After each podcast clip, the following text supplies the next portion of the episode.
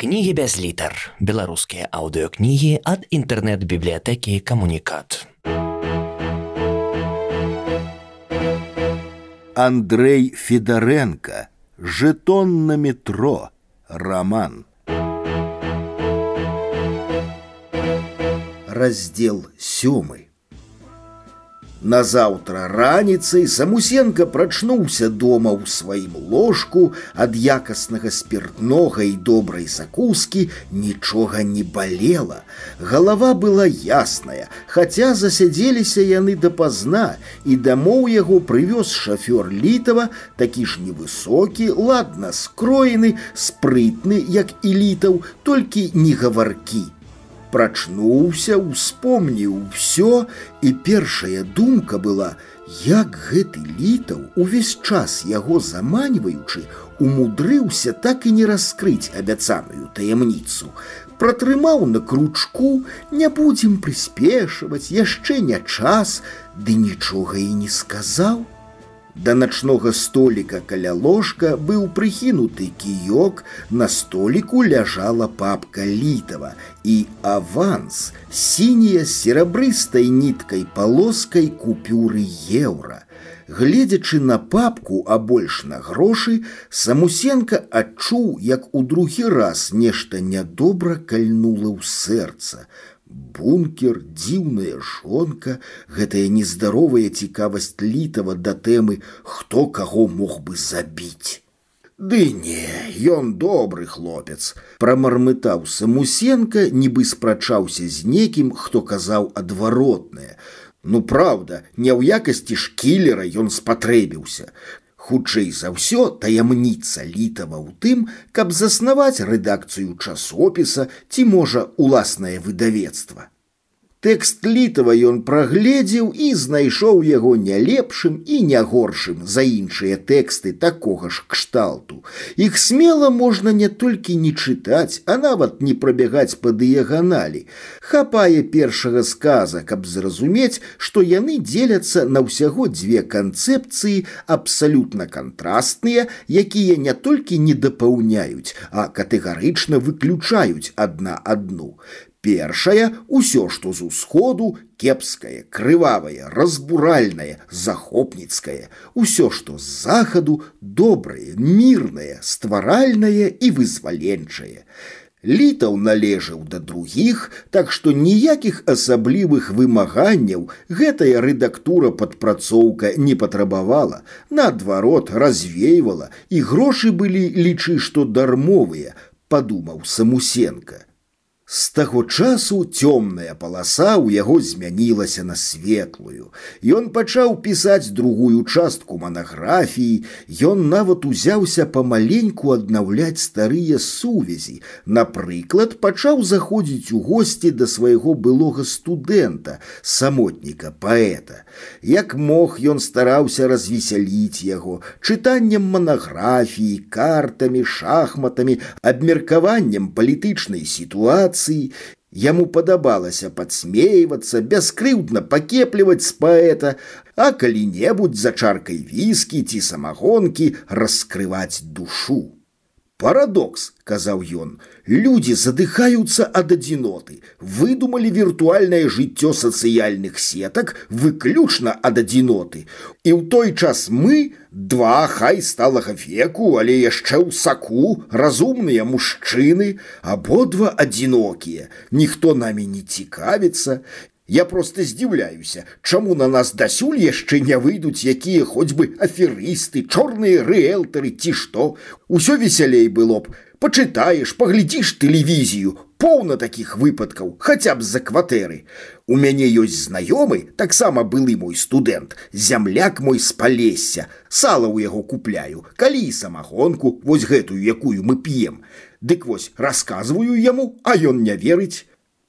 Мінуў студзень прайшоў люты, а прыкладна ў канцы сакавіка самусенка зразумеў, што самаходзь пачапіў сабе на ногі гіры.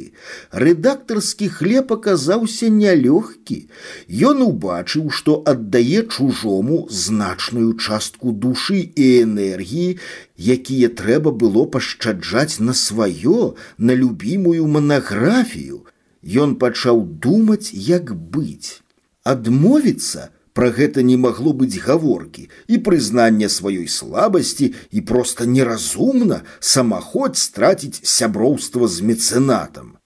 Неяк раз седзячы ў паэта за шахматамі, робячы выгляд, што задумаўся над ходам, самусенка цягнуў сваё тэкст, такс, що він робить, і тут тюкнула ў галаву.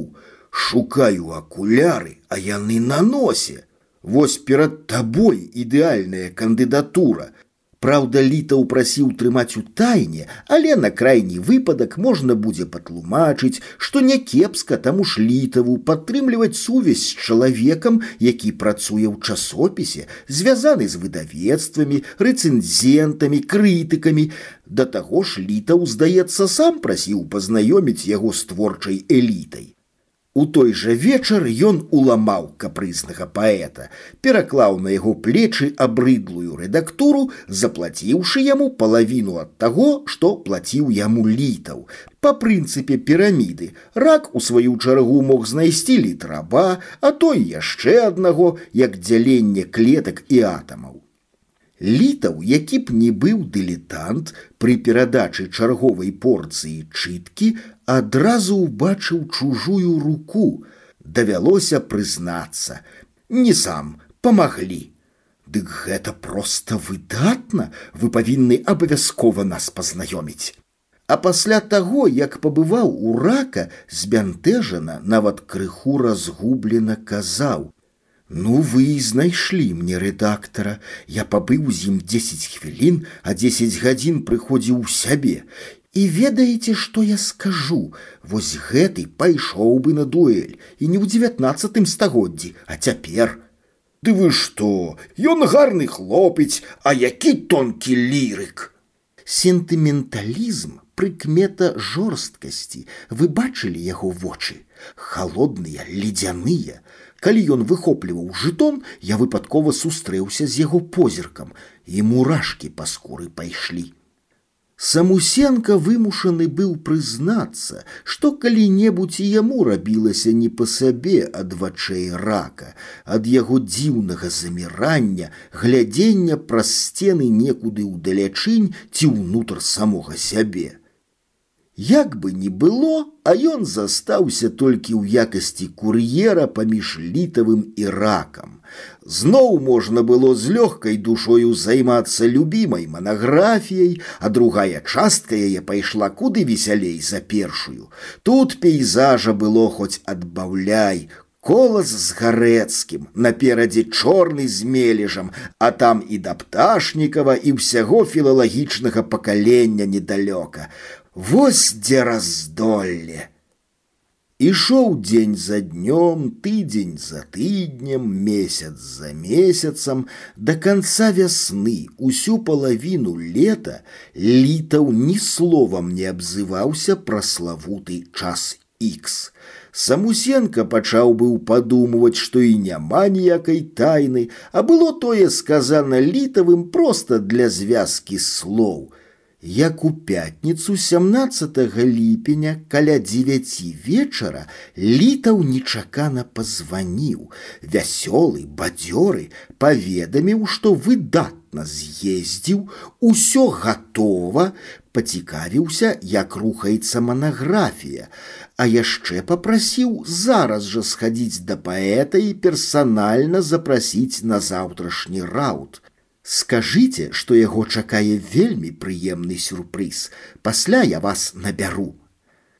Самусенко ўсё акуратна выканаў, калі выходзіў ад паэта у вечаровым сутонні старэчым зрокам заўважыў каля пад'езда нейкую нібыта знаёмую жаночую постаць побач з машынаю. Ён спыніўся і пачаў углядацца. Жанчына адвярнулася. І тут самусенку ў трэці раз, як некалі зімою, непрыемна да фізічнага болю кальнула ў сэрцы. Паціраючы левую грудзіну, ён прыйшоў дадому, дастаў папку з манаграфіяй, пяшчотна дрыготкімі пальцамі пагладзіў яе сядзеў з ёю на каленях, чакаў званка ад дабрадзея і не разумеў, што яго так глыжа.